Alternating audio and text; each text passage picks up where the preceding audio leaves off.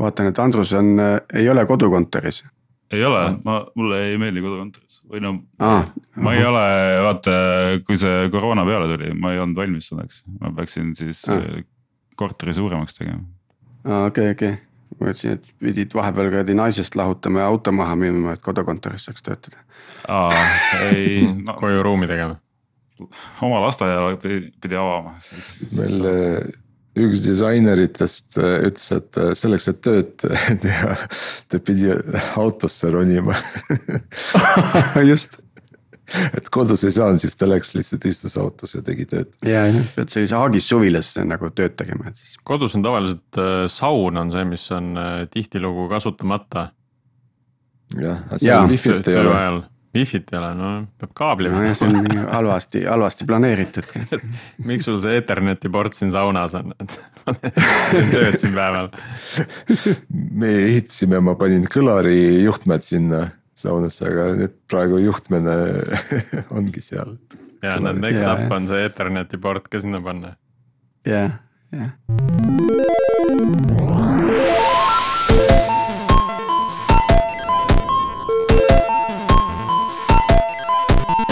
täna on kaheksas oktoober ja kuulad taas Algorütmi. mina olen Priit Liivak Nortalist ja minuga koos Sergei Janikin Pipedrive'ist ja Tiit Paananen Veriffist. täna on meil külas taas Andrus Seiman, kellega rääkisime ka seitsmeteistkümnenda septembri episoodis missioonitiimidest. et äh, kui see episood on kuulamata, siis nüüd on viimane aeg minna tagasi ja see uuesti üle kuulata. tere, Andrus. Äh, tere täna räägime siis sellest, kuidas Andrus tarkvaraarenduseni jõudis ja mis teda sellel teel sinna aitas, mis teda takistas. ja et Andrus ennast juba põgusalt missioonitiimide episoodis tutvustas ja tänane saade on samuti suuresti tema isiklikust teekonnast, siis, siis kaevuks kohe teemasse ja, ja võib-olla sellist enda tutvustamist kordama ei hakka aga ma tooksin veel selle aspekti juurde või, või märgisin ära, et, et selliste isiklike lugude lugude eesmärk tegelikult on nagu kannustada inimesi, kes võib-olla veel on kõhkleval positsioonil, et, et meil on varem ka olnud selliseid saateid, meil on siin Helen Habakuke saade eh, eelmise aasta algus, lõpust, kus siis kajastasime seda, kuidas sai front-end arendajaks ütleme video, videokunstnik või, või, või umbes midagi sellist, disainer oli ennem. et, ähm, et selles mõttes kuulajatele kindlasti üleskutse jagada seda episoodi laiemalt kui, kui ainult arendajate hulgas. Võib-olla mul siin tekkiski küsimus, et kui me räägime juba üldisemalt on ju võimalusest äh, äh nii-öelda teise professioonina IT-arendust või, või üldse IT-ga midagi, IT-maailmaga mingit tööd äh, endale valida, et mis on need äh, erinevad võimalused, mina tean, et meil on selline programm nagu Vali IT.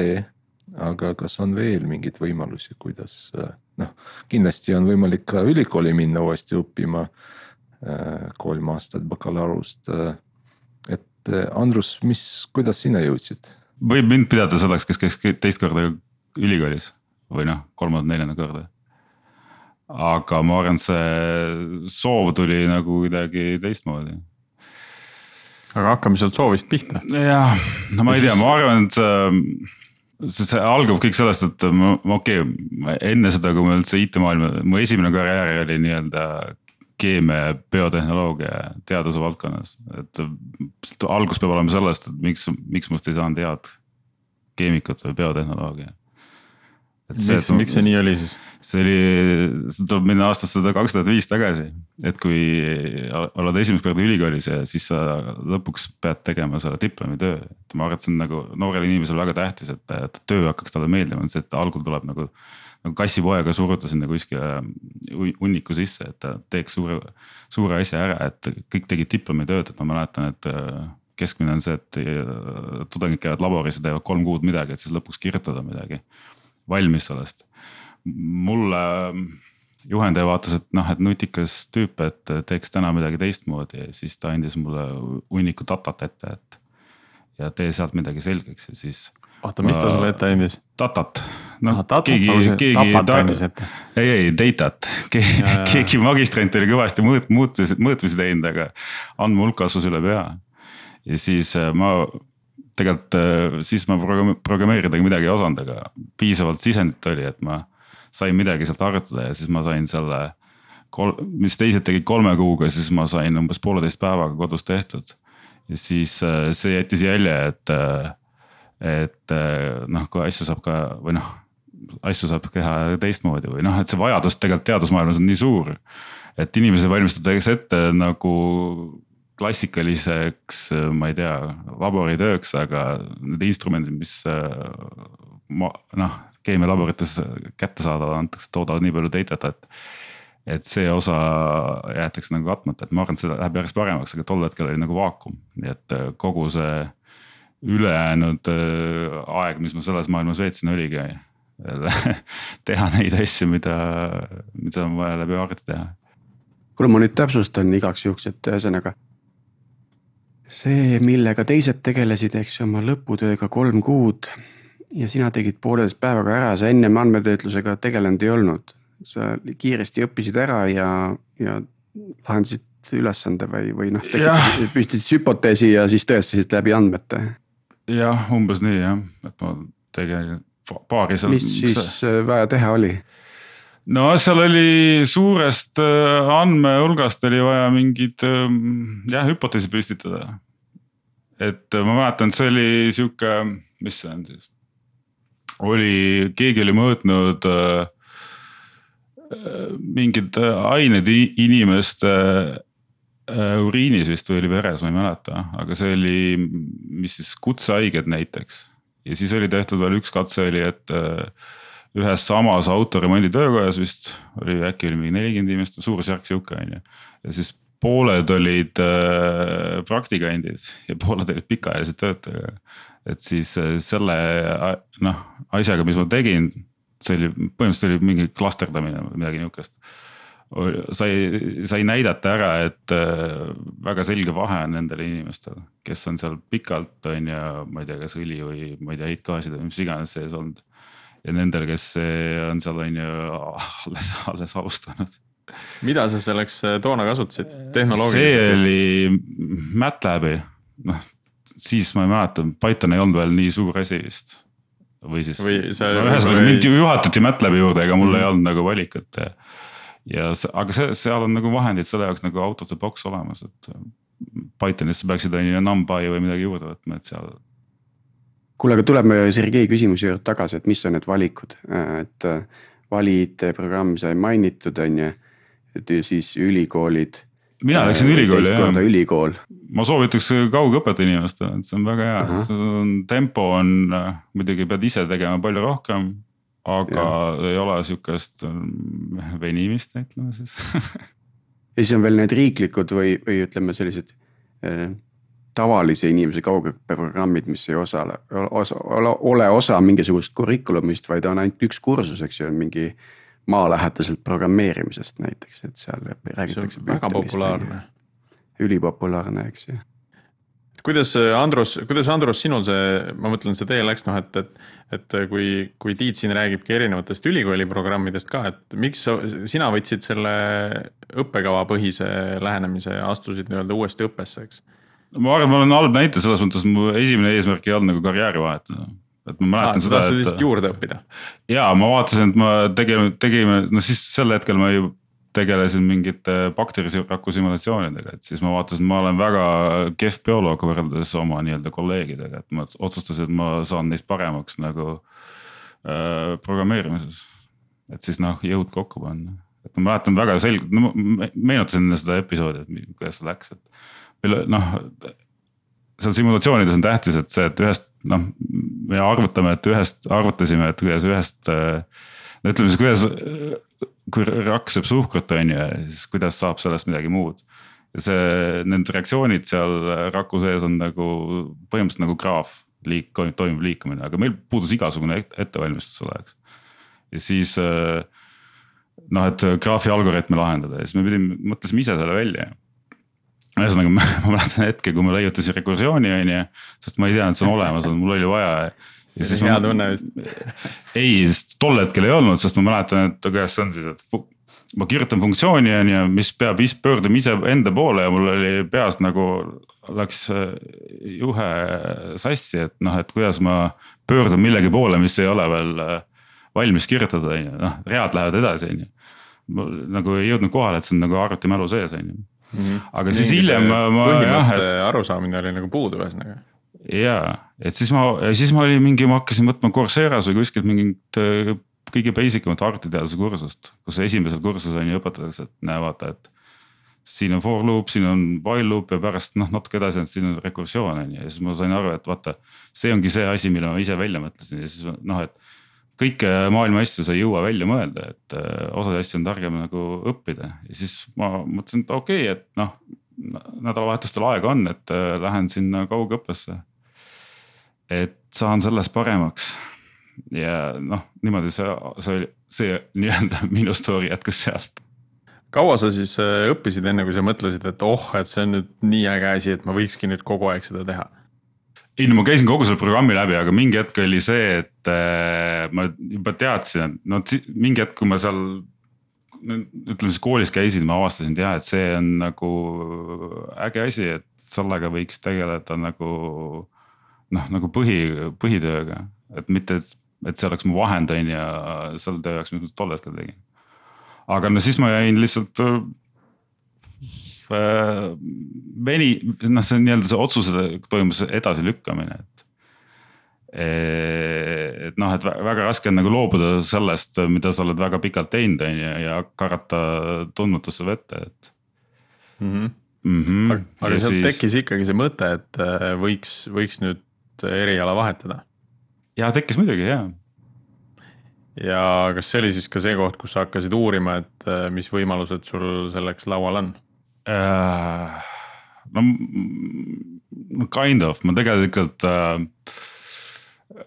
ma väga laialt ei uurinud, kuidagi ütleme siin see nii-öelda see, et ma sattusin Nortesse, see kuidagi tuli väga orgaaniliselt või noh, tol hetkel mulle tundus see, et see, nüüd tahan selle eelmise tööga hakka noh, joone alla tõmmata ja siis kuidagi see keegi. Keegi teine inimene, kellega ma seal kaugõppes äh, lähedalt kokku puutusin ja oli siia tulnud aasta varem, on ju. Mhm. see oli selline õigel ajal õiges kohas situatsioon natuke. ja, et noh, ära tunda see, et nüüd äh,, nüüd on õige hetk et see tähendab, et sellised no, variandid nagu vali IT tegelikult sinu laual lauale üldse ei jõudnudki või sa ei jõudnud? ei, ei, ei, ei, ma ei, jah, see ei, ma arvan, et see on kellegi teise lauale äkki, aga mul ei olnud see optsioon või noh. ma arvan, et see on, vaata, ma arvan, et vali IT natuke oleks samm enne seda ülikooli minemist pidanud olema, et vaata need, kes ei, kes ei puutu üldse kokku. mul oli, ma enam-vähem kujutasin ette, on ju, mida vähemalt okei okay,, mingil määral ma nagunii kasutasin, on ju, programmeerimist igapäevaselt lihtsalt see ei olnud, ma ei pidanud seda, on ju. noh, ma olin iseendaga koodi klient, on ju, et see on natuke teistmoodi, aga vähemalt ma kujutasin ette, mismoodi nende probleemide lahendamine välja võiks näha. et need inimesed, ma kujutan ette, kes lähevad vali IT-sse. Nende ettekujutus on väiksem sellest, et nemad saavad sealt võib-olla selle üldse esimese noh, ma ma võrdleks seda, et on ju, sa lähed nagu valides nagu autokooli niimoodi, et sul isa ei ole näidanud nagu, kuidas autoga sõita, et. et sa tead, et pidur on see keskmine. ja, ja, et ma juba teadsin, et. peab, seda ei tea. jah, ma enam-vähem nagu autoga oskasin sõita, on ju, mul polnud, ma ei tea, lube. et ma võrdleks seda niimoodi, et. kes sul seal kursusel või sa õppisid kaugõppes, eks ju kes, kes, kes seal veel olid, et mis Oo, seal oli väga, väga, väga kirju seltskond oli, tuli kohe meelde, üks, üks tüüp oli Skype'ist. E, ta oli õppinud füüsikat enne ja siis vaatas, et mis ta oli. et noh, et füüsikaga nagu ära ei ole ja siis õppis e, omal käel progema. ja siis ta oli juba seal e, Skype'is ka pikalt olnud ja siis ta otsustas, et okei okay,, et ma tulen ka siis õppima siia. jah, et see oli üks väga värvikas kuju ja et seal oli ja noh, ka kaugõppes enamasti satuvad nagu inimesed, kes on ja enne midagi muud teinud. et siis seal oli kirjus inimesi. mõtlen, kas mul mõni hea näide veel tuleb. oli, oli, oli inimesi, kes on nagu olid juba erialal, aga tahtsid äh, diplomit, aga oli neid, kes nii-öelda. nagu mina olid natuke midagi torkinud ja tahtsid veel noh sügavamalt ja, aga siis oli neid inimesi, kes nagu tulid nagu nullist noh, et noh, ei olnud ka nii-öelda isa ei olnud autodega õpetatud sõitma. kuule, aga mis sulle siis seal õpetati selles võtmes, et okei okay,, ma saan aru, et seal on mingi programm ja, ja ained mm, -hmm. eks ju ehm, millest nagu kasu oli ja millest mitte, et, et kuidas sa nagu hindaksid seda, seda õppekava kui sellist, et sellises use case'is nagu sina just nagu olid? No ta oli ikka väga rakenduslik selles mõttes, et noh, et mulle tegelikult minu taustaga, ma ei tea, mulle meeldib natuke akadeemilisem, akadeemilisem värk, et nad väga palju õpetati, kuidas, aga mulle on väga tähtis ka miks, on ju. sest et noh, kui sa õpid, kuidas, kuidas asju teha, on ju, siis sa praegu oskad aga muidu sa oled nagu käsitööline, sa pead kogu aeg õppima uusi asju, kuidas teha, aga kui sa vähegi õpid nagu, miks asju tehakse nii. siis sa oskad äh, võib-olla ise tulevikku paremini näha või järgmisi asju nagu loomulikumalt omandama. aga no selles mõttes on jälle see rakenduslik pool on väga hea, et sa, kui sind ikka visatakse töisesse keskkonda, siis sa suhteliselt ruttu oled seal võimeline äh, olema produktiivne või näha. Mm, oota, täpsustaks selle õppekava nime ka ära, et. see oli, okei okay,, ma ei mäleta seda. asi oli selles, et tol hetkel ma uurisin, oli kaks üldse eriala, kus sai bakalaureuseõpet kaugõppega, üks on TTÜ äriinfotehnoloogia ja teine oli siis see. tol hetkel oli see IT kolledž, ma arvan, ta oligi tarkvaraarendust, tarkvara arendamine, midagi nihukest. tarkvaratehnika või? Ei ta vist äh,, ma pean selle järgi vaatama, aga seal ja, tegelikult äh,, kes tutvub õppekavadega, ega seal rohkem variante ei ole. aga ma võin rääkida seda, mida nad ei räägi aga mhm. võib-olla me nagunii jõuame sinna, et see on see, kui sa lõpuks tööle jõuad, on ju. et see on, õpetatakse erinevaid ähm, programmeerimisel õpetatakse see, kuidas tarkvaraarendusprotsess käib seda väga ei õpetata, ma mõtlen just programmeerija seisukohalt, et seal räägitakse natuke projekti juhtimisest on ju, erinevad need mudelid on ju. Scrum ja Waterfall ja whatever, Kanban on ju, sellest sul räägitakse, aga seda sul ei lähe kohe vaja, sul läheb pigem vaja seda kohe, et. kuidas äh, sina tarkvaraarendajana suures projektis nagu peaksid toimima, noh alates, ma ei tea alates äh, ütleme sellest, et noh, ma ei tea, kuidas äh, Gitis arvundust teha, on ju, kuidas, äh, mis asi, miks on üldse erinevad keskkonnad, on ju. ja miks me teeme asju nii väikeste tükkidena, kuidas arendajad omavahel nagu noh kuidas me mitmekesi ühte koodibaasi arendame. ühesõnaga siukseid igapäevaseid asju mm, -hmm. mille saab nagu tegelikult saad ruttu selgeks, on ju. aga esimesel päeval, kui nii-öelda inimene, kes tuleb koolist välja ja siis ta tegelikult, äh, ma arvan, et ei kujuta üldse ette. et see on nagu, aga noh, see on esimese kuu, kuu ajaga võiks selgeks saada.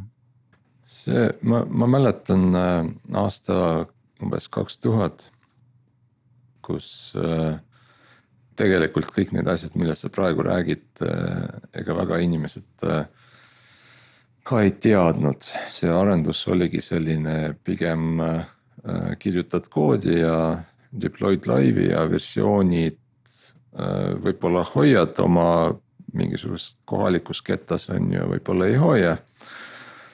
Äh, ja siis ma mäletan äh, meie firmas üks inimene, kes, kellel oma, oli oma isiklik versiooni haldussüsteem pandud ja mingisugused automaatsed skriptid olid tehtud erinevate tööülesannete jaoks ja meie jaoks see oli nagu voodoo.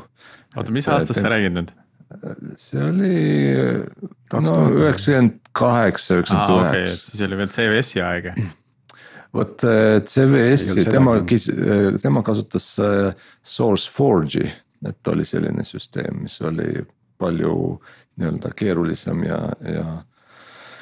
ja meie kasutasime jah, CVS-i tol ajal, hea kui kasutasime, mõned tiimid ei kasutanud üldse mingit versiooni haldust. ja siis see inimene soovitas tegelikult ühte raamatut, mis oli minu meelest kas Practical Programmer's Guide või ma täpselt ei mäleta selle, selle raamatu nimi, aga nime, aga, aga aga selles raamatus, see raamat kirjeldaski seda, kuidas üks arendaja saab oma produktiivsust tõsta. Ja noh, versiooni haldus ja automatiseerimine, kõik need teemad olid äh, seal kaetud. Äh, ja, ja see oli üks väga hea õpik tegelikult. ja ma arvan, et kõik need teemad, mis praegu nagu rakendatakse meeskondadele tol ajal olid noh, kuna mees, meeskonnatööd nii väga palju ei olnud, aga, aga need olid äh, rakendatavad ka üksiku arendaja produktiivsuse nii-öelda tõstmisele, et. äh, mitte üks ega kaks korda on olnud see, et su kood äh, oli kas ära kadunud mingisuguse võipirasvu tõttu või ke, kellegi poolt, teise poolt üle kirjutatud ja keegi ei tea, miks ja. ja mis see ajalugu on seal olnud, et ja jah, ma, ma olen nõus, et Andrusega, et, et ega ülikoolis nagu sellistele aspektidele väga äh, tähelepanu ei pöörata. No samas äh, mina olen näiteks äh, ise andnud kunagi loengut äh, Giti ja versioonihalduse teemadel. ja, ja ma nägin neid noh, üsna nagu segaduses pilke, mis mulle seal saalis nagu vastu vaatasid, et. et kui, kui sellega igapäevaselt tegeled, siis siis sa tajud seda väärtust ja tajud seda mõju nagu rohkem, et ma mäletan ise, kuidas kui, kui Docker hakkas tulema, et noh, sa saad küll nagu põhimõtetest aru, aga no igat käsku käid nagu guugeldamas kogu aeg uuesti ja uuesti ja siis nädal aega hiljem juba taipad, et oh, et äh, teised inimesed küsivad minu käest, et kuidas seda asja teha, on ju, et noh, et kõik asjad on peas lihtsalt juba nagu käe sisse kulunud et ma arvan, et selle versiooni haldusega on äh, natuke samamoodi, et, äh, et see peab nagu käe sisse kuluma, et alguses ongi sellised tühjad pilgud. Aga õpetada võiks sellegipoolest muidugi. ja, ja, ja mina arvan, et see, et sa ei pea isegi õpetama seda eraldi, vaid sa pead õpetama, noh kuidagi tooma sisse seda äh, oma aine äh, nii-öelda programmi, et sa ei lase äh,, noh, üks lihtne näide äh, sa tahad kontrollida või, või anda, anda mingisugust ülesannet või kontrollida teadmist. Et sa ei anna nagu tühja paberilehe või sa ei, sa ei, sa ei palu inimesel nagu nullist kirjutada ja saata sulle faili, vaid sa annad juurdepääsu kirjuta äh, koodi juppidega ja commit'e noh. jah, GitHubi nii-öelda repole ja ütled, näed, siin koodis äh, on mingisugune viga, et äh, kõigepealt pane käima. otsi see viga üles, paranda ära on ju. siis, siis sina kontrollid ainult history't. Kohe nagu käib peale. Äh, aga Andrus, kas sul on meeles, meeles veel midagi, mis, äh, selliseid teemasid, mis sa tundsid hiljem, et oleks võinud veel õppida ülikoolis, et oleks võinud veel seda infot saada?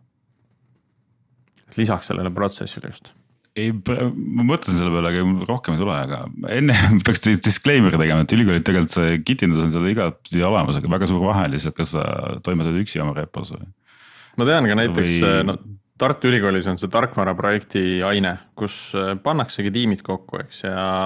ja neile seataksegi nõuded, et äh, CI peab olema seadistatud, peab kasutama GitHubi või mingit, mingit muud Giti repot hästi rangelt, aga, aga ka seal aeg-ajalt tekib inimestel küsimus, et noh, et miks, miks ma pean tegema seda, et kui. kui me jagame ära, et Ants kirjutab nagu selle jupi koodi ja Malle kirjutab selle jupi koodi ja pärast paneme kokku ja kõik töötab, et noh, mis me seal Gitis peame jammerdama sellega. Andrus, kui sul see üleminekuprotsess nagu käimas oli või see, mis olid need hirmud, mis sul olid nagu, äh, kui sa nagu avastasid endast muutuste keerises nii-öelda? sa mõtled enne, kui ma nii-öelda Nortalisse tööle. ja, ja võib-olla samal ajal ka, kui, kui okay. see nagu käima läks et... kõige suurem hirm on ja keegi, et okei okay,, et aga üks oli, ma mäletan, kui ei meeldi, et ma ei saa ju tagasi minna vanasti on ju. seda ütles keegi sõber, aga miks sa ei saa, saad küll, noh, ühesõnaga, kui sa oled vanas kohas nagunii eeldame, et sa oled hea töötaja, on ju. head töötajat tahaks alati, alati tahetakse alati tagasi, nii et et see on kindlasti vale hirm, ma arvan. Aga muidu on jah see, et äh, kui sa oled midagi jah, et väga pikalt teinud, on ju, et. Äh, ja hirm oli ikka see, et noh, nagu see. et kui sa loobud nüüd millestki, mida sa oled kümme aastat nii-öelda ehitanud, et. Äh, et kas keegi vaatab sind kui mm, nii-öelda, ma ei tea, kaotajat või või allahindajat või mm. -hmm. et Et kas sa alla, annad alla et, äh, ja lähed jaa. tagasi või siis, või siis seda vaadata kui edasiminekut ikkagi. ja, aga see oligi ju, see on, ma arvan, see on rohkem nagu enda pea sees, et ma kedagi teist ei kujut-, ei kohanud, kes seda asja oleks hoopis niimoodi vaadanud, selline, ma, ma olin ainuke, et teised vaatasid nagu, et vau, et. et, et teeb midagi noh, midagi uut enda eluga või noh, ma ei tea. vot, vaata, vaata, vaata, kus on julgus ahah, vot, vot. aga siis, kui sa nüüd äh, avastasid ennast uues rollis, uues kohas, eks ju. sa juba mainisid, et see koostöö ja, ja koos progemine ühe repo piires, et see oli nagu selline asi, mis tuli juurde õppida, on ju. et aga mis olid veel võib-olla need rasked asjad, mis äh, nagu noh, mida sa ei oodanud, et see nüüd nii, et see, see just teema nii raskeks osutub jah ma ei tea, ärme keskendu sinna sõna raskele, ma mõtlen, mis pigem oli üllatus, üllatus oli see, et ähm, vähemalt see keskkond, kust ma tulin, on ju. teadlased on ju, see on väga paljud inimesed töötavad ikkagi oma probleemiga üks, üksinda ja siis pärast kuskil saavad kokku, aga see, mismoodi, millise dünaamikaga toimub ühes äh, meeskonnas töö. või siis noh, see võis juhtuda, ma sattusin sihukesesse meeskonda, et aga see oli ikkagi teistmoodi, et äh, no et äh, ei loe mitte see üksikpingutus, vaid see palju meeskond suudab välja anda ja. ja see muutis inimesed kuidagi väga lähedasteks ja, ja, ja no muidugi see situa- situatsioon ka oli sihuke, et me olime, see esimene projekt, kus ma sattusin, oli äh, üks väheseid Nortali bodylease projekte, et siis sa olid nagu kliendi territooriumil nii-öelda oma, oma firma arendajatega, et siis see väga, seal on väga lihtne tekkima sihuke teie-meie suhtumine, et siis see meie nagu hoidis väga kokku ja. jah, ja siis ma mäletan seda, et mul esimene päev oli see, et oli väga.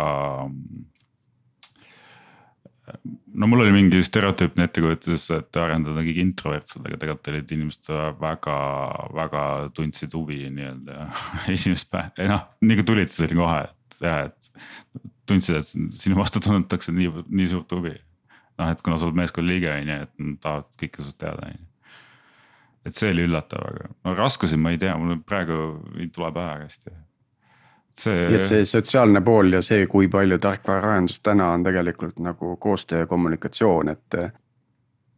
et see oli Jaa. sulle nagu üllatus mm. -hmm. ja see oli jah, sest et noh, tavaliselt kui see ongi see noh, nii-öelda inimene tuleb, teeb seal kuskil ülikoolis kasvõi mitmekesi ühte projekti, siis on tavaliselt, et on ju, et keegi teeb kodus mingi aeg, keegi teeb teist te, samal ajal kodus või teisel ajal on ju. aga sihukest nagu seda ühist teadmiste jagamist või, et see, see oli, see on väga kihvt tegelikult. ja see müüt, et, et arendajad on introvertsed autistid, et see nagu ka nagu väga ei pea paika jah. ei, minu arust mitte, isegi kui nad on, siis tegelikult äh, noh, sellest saab ruttu üle, kui see inimesed töötavad vaata nii, nii lähestikku üksteisele. no vot see oli vaata sel ajal, kui kodukontor ei olnud teemaks on ju, noh nüüd on juba jälle võib-olla uued standardid. see jutt ei kehti, mis ma räägin on ju no natuke ikka kehtib, me hästi palju ju kuuleme seda, et, et inimesed tahavadki kontoris ikkagi töötada, et nad saaks olla koos. ja, ja tõenäoliselt ka meie harjumus kasutada igasuguseid virtuaalseid kanaleid on nagu hoopis suurem kui, kui teistes valdkondades. et, et neid kasutatakse aktiivselt ja see loob selle tunde, et inimesed saavad teineteisega äh, koos, koos viibida ma ei tea, võib-olla see on natuke Eesti kultuuris ka kinni, et, et me nii palju ei taha äh, olla siis nii-öelda pidevas kontaktis. Et ma mäletan äh, ühte, ühte projekti, mida me tegime USA-ga koos, seal oli hästi sageli selline war room'i kontsept, et äh, kui midagi tehti, midagi pandi laivi, siis oli kuskil mingi kõne oli püsti, kuhu siis kõik liitusid ja noh, aeg-ajalt keegi tuli jälle juurde, aeg-ajalt keegi läks välja ja see oligi see inforuum, see, kus siis äh, kõik koos olid ja said selle info kätte, kaasa arvatud see arendaja, kes seda probleemi lahendas, eks. et tema ka siis sai seal juurde öelda, kui probleemi põhjus oli leitud, see oli see nii-öelda feed selle jaoks, et mis, mis parasjagu toimus. et Eestis selline asi väga, väga levinud ei ole, aga ma- mulle tundub, et see üha rohkem hakkab tulema siia ka, et et selliseid ühtseid aktiivseid infovälju luuakse küll virtuaalsete kanalite, et keegi ei saa kuskil nurgas salamisi mingit asja lahendada.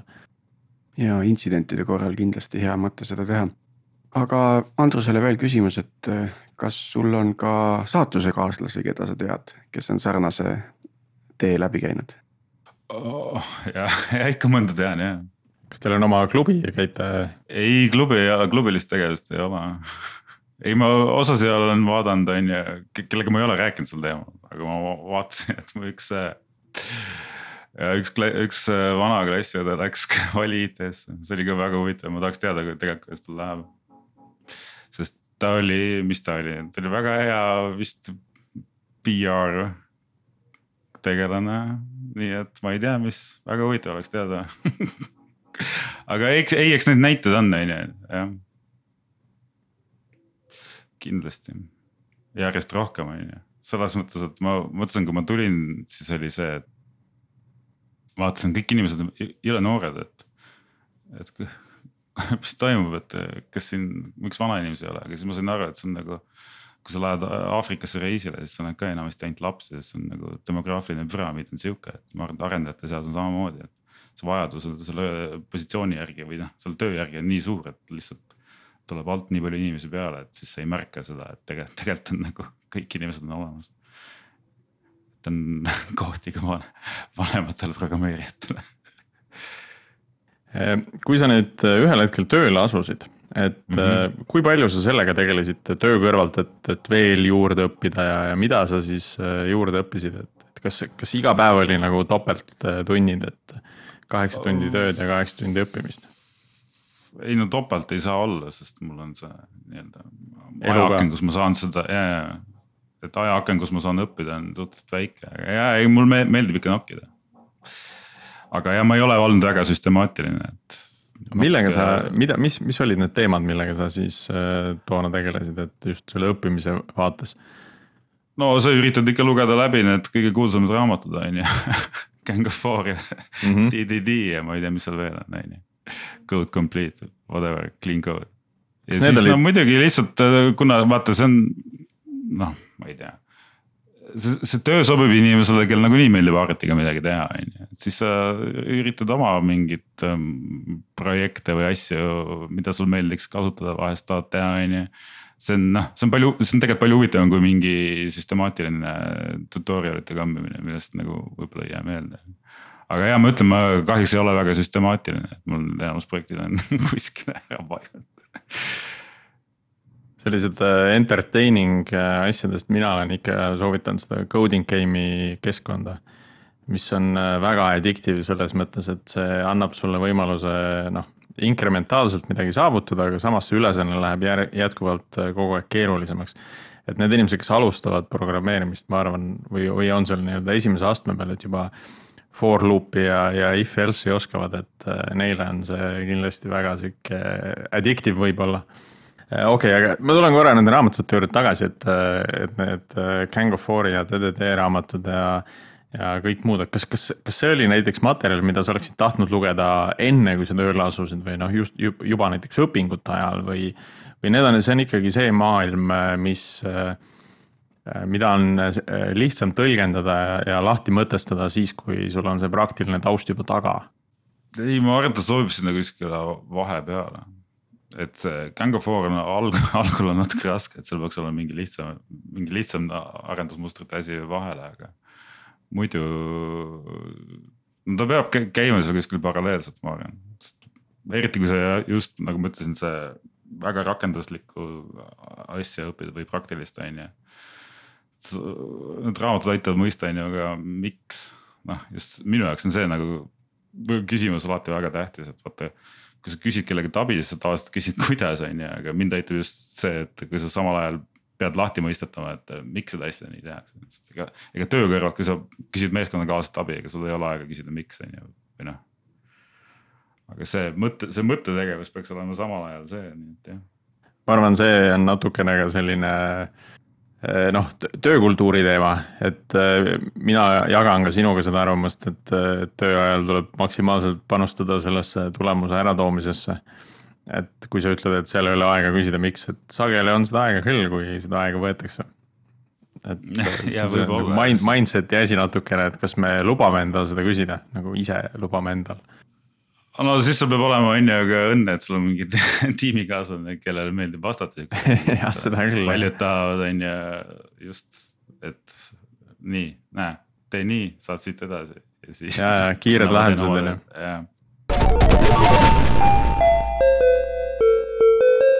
kas sul selline mingi mentorsüsteem ka oli, kui sa alustasid nagu arendajana, et, et, et noh, tihtipeale ise natuke midagi nokitsedes on, on tunne, et kui mul oleks nagu keegi, kellelt ma saaks nagu paar korda päevas midagi küsida, oleks jube palju abi juba on ju.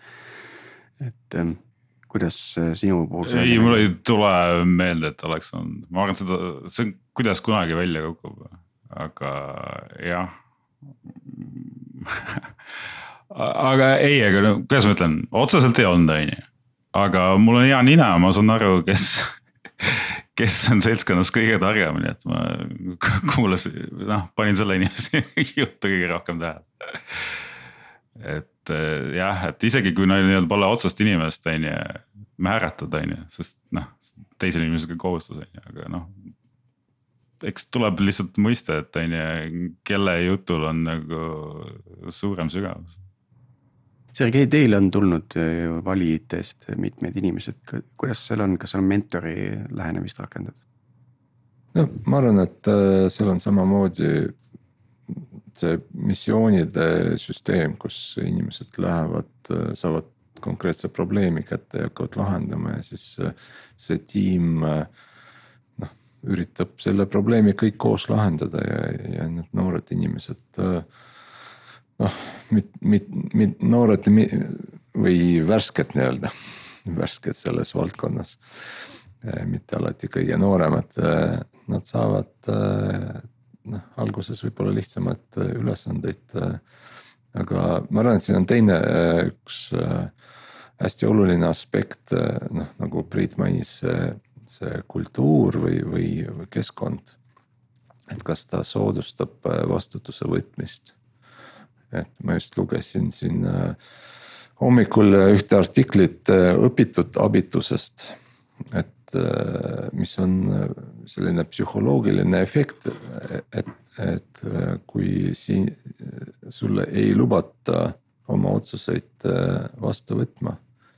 siis sa justkui õpid olla abitu ja, ja samamoodi on võimalik tekitada keskkonda, kus sa õpid Äh, võtma vastutust, võtma otsuseid vastu ja läbi selle sa tegelikult äh, õpid palju kiiremini. jah, et sa võid äh, palju vigu teha puhtalt selle, selle tõttu, et sul ei ole piisavalt kogemust. aga siis see keskkond peab tagama seda, et sul, et need vead ei ole katastroofilised ettevõtte jaoks, et tegelikult läbi vigu me ju õpime kõik. jah mul tuleb siin kohe kaks äh, hästi huvitavat näidet, üks on äh, ühest, äh, tegelikult mõlemad on töövestlusest. et, et sageli on, võib juhtuda töövestlusel sellist asja, kus sinu käest küsitakse mingit arvamust, näidatakse mingit joonist, mingit koodijuppi, küsitakse, et no mis sa arvad sellest. ja siis ju kunagi see kandidaat ei tea, et et äh, kas see nüüd on see kood, mille see inimene ise kirjutas, et kas ma kritiseerin nüüd tema koodi ja peaksin ütlema, et näed, siin on need ja need head, head asjad. või ma võin välja öelda ka, et äh, noh, et see ikka üldse ei sobi, on ju. et, äh, et see on ka natuke selline noh, ma arvan, et see julgus nagu asju välja öelda on, on vastand sellele õpitud abitusele, et inimene nagu, kui ta märkab midagi, ta teeb häält, äh, kui ta satub suure probleemi otsa, ta tõuseb püsti ja ütleb, et kuulge, leidke mulle nüüd keegi, kes mind aitaks, et, äh, et ma olen siin lukus veits. ja teine näide on tegelikult, oli USA-s ka värbamisel, et kus ma andsin hästi abstraktse ülesande ühe, ühe koodijupi kirjutamise jaoks kandidaadile ja, ja ta istus sealsamas minu kõrval Äh, hakkas seda kirjutama või noh, tegelikult sirvis seda koodi. Äh, siis leidis ühe meetodi, pani kursori sinna meetodi sisse, vaatas mulle otsa ja küsis, et noh, et kas siia või. Äh, noh, ma ütlesin, et noh, nojah, et ma ei tea, et noh, et umbes, et see on sinu ülesanne, et noh, et et, et ütleme, et sinna, et noh, et ma olen nagu klient, eks ole, et ma ei ole nagu praegu sinu nii-öelda partner, arendaja. ja ta hakkas midagi kirjutama, natuke aega kirjutas, paar, paar rida siis, mitte natuke aega, aga lihtsalt paar rida vaatas mulle jälle otsa, et noh, et, et kas see on umbes õige, et kas niimoodi. et tal oli hästi, ta hästi palju ootas seda, et ma ütlen, kuidas asju tuleb teha. mitte, et ma annan ülesande ette ja ütlen, et äh, ole hea, lahenda see ära, ükskõik kuidas. et see lahendus ei pea mulle meeldima, see on, see on jumala okei okay., ma tahan lihtsalt, et sa nagu leiaksid lahendusi, ma tahan näha, kuidas sina seda lahendust leiad. aga tema ootas, et äh, ma näitaks talle ette, et näed, siin on tühi meetod äh,, täida see ära et, et niimoodi lahendas ülesanne, kasutades neid ja neid meetodeid teisi. aga tal oli hästi-hästi raske oli seda teha. aga Sergei, ma nüüd lähen sinu intervjueerimise peale, teil on see sisemine Stack Overflow instants, eks ju. kuidas see töötab, kas, kas Nortalil on midagi sarnast? meil on, Stack Overflow'd ei ole, meil on Teamsi kanal on, ma arvan, üks, kus on ajaloos hästi palju seda history't see on ainuke siis noh, Confluence on ka, et äh, Atlassianil oli kunagi mingi analoogne toode nagu Stack Overflow moodi. mida me proovisime, aga see ei olnud kaugeltki nii hea kui Stack Overflow lahendus. seda Stack Overflow'd me oleme proovinud, nii et Sergei või noh, oleme mõelnud, et sinna võiks minna. Sergei, kuidas see on, see on kindlasti väga hea, aga väga kallis, eks ole ta, ta on äh, kallis ja me üritasime alguses äh, seda, noh, see, see sõltub sellest, kui palju sul content'it on ja kui palju noh, et kui aktiivsed inimesed ikkagi seda kasutamas, et. et see aktiivsus on üle aja vähenenud, et, et ta ei, ta nagu ei ole intuitiivselt äh, nagu ei sobi workflow'sse on ju, et eriti kui inimesed noh, kui on palju lihtsam lihtsalt küsida kas kõrvalistuja käest või, või siis kanali, kuskil kanalis ja saada kiire vastus versus see, et sa lähed ja hakkad otsima seal, et, et. et ma arvan, et, et jah, kui sa tahad midagi õppida jällegi, no mingit framework'i või midagi, et siis sa pigem lähed ja loed dokumentatsiooni, et, et. et see Stack Overflow aeg minu meelest on kuidagi üle läinud. mulle tundub ma ei ole viimasel ajal ka Stack Overflow'st eh, noh, nii-öelda avalikust sellest eh, midagi otsinud. välja arvatud, kui sa oled copy paste programmeerija nagu mina näiteks. töötab ja, endiselt väga hästi. aga ma arvan, et see jällegi see knowledge. sul läheb see aeg üle, Tiit. kui sa saad varsti välja sellest copy paste perioodist ja siis yeah. minu meelest Google on, on üks suur Stack Overflow, et, et okay. ei, ei ole ilmtingimata just Stack Overflow nii-öelda veebisaidil, kus sa oma vastuse leiad. nii, aga et meil ei läheks täitsa lappama ära, siis hüppame korra teema juurde tagasi. Andrus, tänaseks sa oled nüüd team lead'i rollis. kuidas see juhtus? või nii-öelda team lead ja mission lead'i rolli oled, oled saanud, et kas, kas see oli umbes samasugune hüpe nagu teadlasest arendajaks hüppamine, et äh, no. hüpata arendajast juhiks? ma arvan, et see oli üks suur juhus. aga ei, see, see ei olnud minu idee, ütleme siis niimoodi. aga ma olen väga avatud igast uutele ideedele. nii et ma mõtlesin, et äh, kui ma ei proovi, siis ma ei saa teada. nii et jah, keegi teine nägi minus potentsiaali, mida ma ise ei olnud Äh, enda jaoks veel avastanud. ja see algul oli muidugi keeruline hakata siis on ju. Mm, kui sa noh, keeruline just esiteks üks mõte oli see, et kui sa olid just otsustanud, et ma nüüd hakkan, on ju mm, äh, developer'iks ja siis keegi avastab, et sa ja sa oled sellest pea, otsuse endas peas valmis teinud, on ju ja pühendunud sellega ja nüüd keegi veel tuleb sinna juurde, et hakka, hakka hoopis inimestega tegelema ja siis noh, ütleme siis osaliselt sinna kõrvale on ju, et see on ikkagi fifty-fifty töö on ju, isegi noh, developer'i tööd on ikka rohkem see nii. aga see, et äh, võtta nüüd sinna veel midagi, mille kohta sa ei ole veel isiklikult nagu otsust võtnud, on ju, et siis see algus oli sihuke. no okei okay,, no ütleme nihuke konarlik hmm, et oli selline veidi sisemine konflikt, et seda, seda asja tehes. jaa, sest et noh, kuidas see on, sa saad heaks saada alles pärast seda, kui sa oled isiklikult selle otsuse vastu võtnud, on ju, algul oli ikkagi, et davai, et katsetame, noh, miks mitte. kas see oli, see oli see koht, kus sa ennast arendajana juba tundsid üsna kindlalt, et enam ei olnud, käsi ei värisenud enam? ei no ikka, ikka, aga ma üritasin seda mitte välja näidata, et ma mäletan, kui ma see oli nüüd juba teine projekt, kus ma tulin, on ju, et seal oli, enamus olid nii-öelda Nortali koorekiht kokku pandud, aga kuna inimesi oli turult väga vähe võtta, siis kuidagi läbi õnne sattusin ma ka sinna projekti. ja siis jah, ja siis ma pidin nii-öelda jah. Ma mäletan seda, et natuke väris vähem pärast seda, kui ma nägin, et keegi seal katse ajal nagu kolmandal nädalal saadeti ära aga mind ei saadetud, siis et järelikult veab välja, on ju see on huvitav tagasiside sinu tööle, et äh, keegi teine saadetakse ära, et ei, ei selles mõttes, et äh, mitte see ei olnud minuga seotud, aga lihtsalt ma mõtlesin, et järelikult, äh, järelikult ma olen piisavalt tasemel, et jääda, siis ma enam ei muretsenud sa võtsid aga..., võtsid, hindasid keskkonda ja tegid sellest äh, endale soodsaid järeldusi, mis andsid ja. sulle nii-öelda rahu mm. -hmm. aga ma mäletan, kui see nii-öelda team lead'i asi tuli, siis ma algul olin ikkagi üsna konarlik, aga mitte nagu arenduse meeskonna sissepoole, vaid nii-öelda see suhtluse osa sinna väljapoole. kas teil mingi tööriistakast ka on selle jaoks, et äh, nagu, kui see ütleme arendajast või isi, individual contributor'ist, mis see eesti keeles võiks olla? Ma arvan, et siin muutus see, et see, seda tööriistakasti hakati nagu nii-öelda organisatsiooni sees ka nagu looma või muutma, et okay. enne seda oli tihti just see, et äh, team lead'i roll on ju, oli nii-öelda tehnoloogiliselt kõige kõvemal venna käes, et. nüüd see juhtus niimoodi, et äh, tiimi lead'i rolli sattus inimene, kes ma ei tea suhtles kõige rohkem.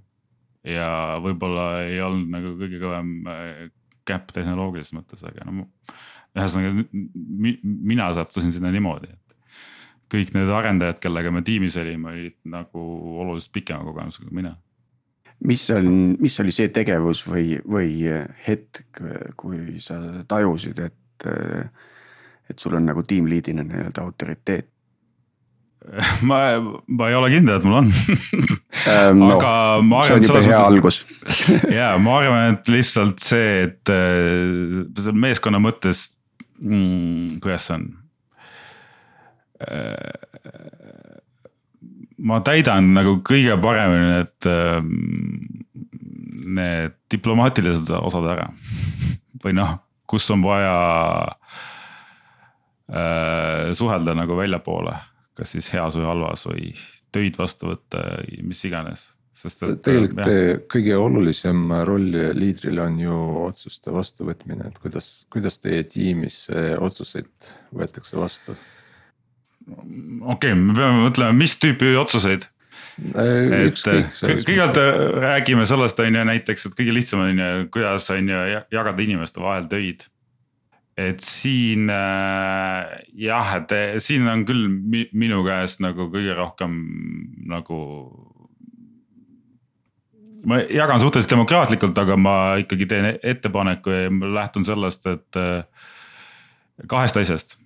et kui keegi on midagi enne teinud siis meeskonna jaoks on äh, kõige parem, on ju, kui tema teeb seda edasi, sest siis on progress kõige kiirem, aga samas ma üritan nagu tasakaalustada sellega, et inimestel oleks piisavalt nagu vaheldust. Et äh, ei saa olla, et äh, noh, et ühte asja teed, siis jääd lõpuni tegema, et ei, et, et kui enne tegid, ma ei tea, front'iga midagi, siis pärast on aega natuke seal midagi Java back-end'is teha, midagi DevOpsi stiilis asjadega, ühesõnaga, et inimestel oleks nagu tööd oleks huvitav, samas nagu on ju tasakaalustatud sellega, et vahest nagu eh, targem on ikkagi mõnda asja. noh, et kui kuskil on mingi bugi, siis saate sinna parandama ikka see sama inimene, kes seda alguses tegi või mis iganes või kuskil vaja täiendada. et see osa aga noh, see on ainult üks osa otsustest, on ju. Tehnoloogilised otsused väga võib-olla ei ole nagunii ainult ühe meeskonna sees, et see on nagu paari meeskonna peale, on ju, et siis. Need äh, ei, ei puuduta ainult mind, aga siis ähm, paljud otsused on äh,, kuidas see on ma ei teagi, kas need otsused, kui on nagu ärisoovid ja nii-öelda senine koodibaas, kui seal on mingid konfliktid või asjad, et siis jah, et siis mina kommunikeerin neid äh, nii-öelda äri, ärile või noh, meie puhul siis analüütikutele tagasi, et siin teie soovid ei ole nagu lähevad vastuollu, ma ei tea, jätkusuutliku arendusega, mis iganes. no ma ei tea, ühesõnaga midagi vastasin, aga võib-olla sa ei saanud päris seda vastust, mis sa tahtsid. pigem jah noh, kui, kui äh, rääkida otsuste vastuvõtmisest, siis äh, noh, tiim võib äh, üritada konsensust leida või, või siis keegi üks otsustab või, või antakse inimestel enda, enda eest nii-öelda otsustada. noh, seesama task'ide jagamine on ju, et tegelikult sa võid ju öelda, et äh, igaüks peab valima endale ühe task'i. Ja siis, kui äh, inim-, inimesed jäävad task'ideta või siis on mingisugused task'id, kus on priority, aga keegi ei ole seda valinud, siis. noh, ühesõnaga liider võib lihtsalt te tekitada süsteemi, kus, kus otsused võetakse vastu ma ei tea, ma arvan, meil võetakse otsused vastu ja priority'd asjad lähevad sisse lihtsalt äh,. Ähm, kuidas see on? mulle paistavad, et nad äh, tekivad kuidagi konsensuslikult, aga võib-olla ma siis äh, suunan niimoodi, et ma ise ei, ei võta omaks seda. tagasihoidlik, see humble on see, see. jah, väga humble see, see kirjeldab mind väga hästi okei okay,, aga tänaseks me hakkame oma episoodi ajaga jõudma ka lõpule. Ähm, meid kindlasti huvitavad äh, teised analoogsed lood ja ma arvan, et kui keegi teab veel mingeid võimalusi, noh lisaks siis ülikooli minemisele ja vali IT-le, kuidas sellist karjäärivahetust teha, et siis ka selle kohta võite äh, meie Facebook grupis kommenteerida, et praegu mulle tundub, et meie, äh, meie rohkem ei tea, peab, peab see paika, mulle küll nagu rohkem pähe ei tule. No igasugused MOOC-id ja, ja ülikoolide juures just sellised. et sa mõtled nagu... sellised Udemy moodi keskkonnad ja yeah, online yeah. learning äh, saitid mm -hmm.. jah, see on, äh, see on ka variant jah, aga noh. ja üks, üks väga oluline viis on veel, mida kannatab nagu julgelt ette võtta, on see, et kui sa oled juba täna kuskil tööl, siis hakka oma tööd lihtsalt automatiseerima. nagu noh käepäraste vahenditega, mis leiad, võtad mingid Zapierid, asjad, eks ju, kus ei ole sensitiivset datat kasutusel. lihtsalt teed kasvõi mõne skripti oma meili klienti või midagi, et hakkad sealt nagu vaikselt nokitsema. et see tegelikult hoiab seda huvi hästi üleval, et kogu aeg tuleb uusi ideid siis, kui midagi õnnestub jälle. kas meil äh, sellest on äh, episoodi olnud? arendaja enda töö automatiseerimisest? vist suuremast CI-st me oleme rääkinud jah, vist väga, väga mitte, et ütleme, kõik see tegelikult tuleks vaadata seda kogu seda virtuaalmasinate ja Minicube'i asja ja tegelikult sinna peaks sisse vaatama küll, et äh, see on nagu arenduse seisukohast nagu väga oluline. et, et äh, sõltumatult äh, saada arendust teha. no ma arvan, me võime siinkohal ka ära tiisida järgmise episoodi, kus me räägime natukene võib-olla natukene automatiseerimisest ka, aga peamiselt siis testide teemal ja testide automatiseerimisest. aga tõmbame siis tänaseks joone alla ja kuuleme taas järgmisel nädalal.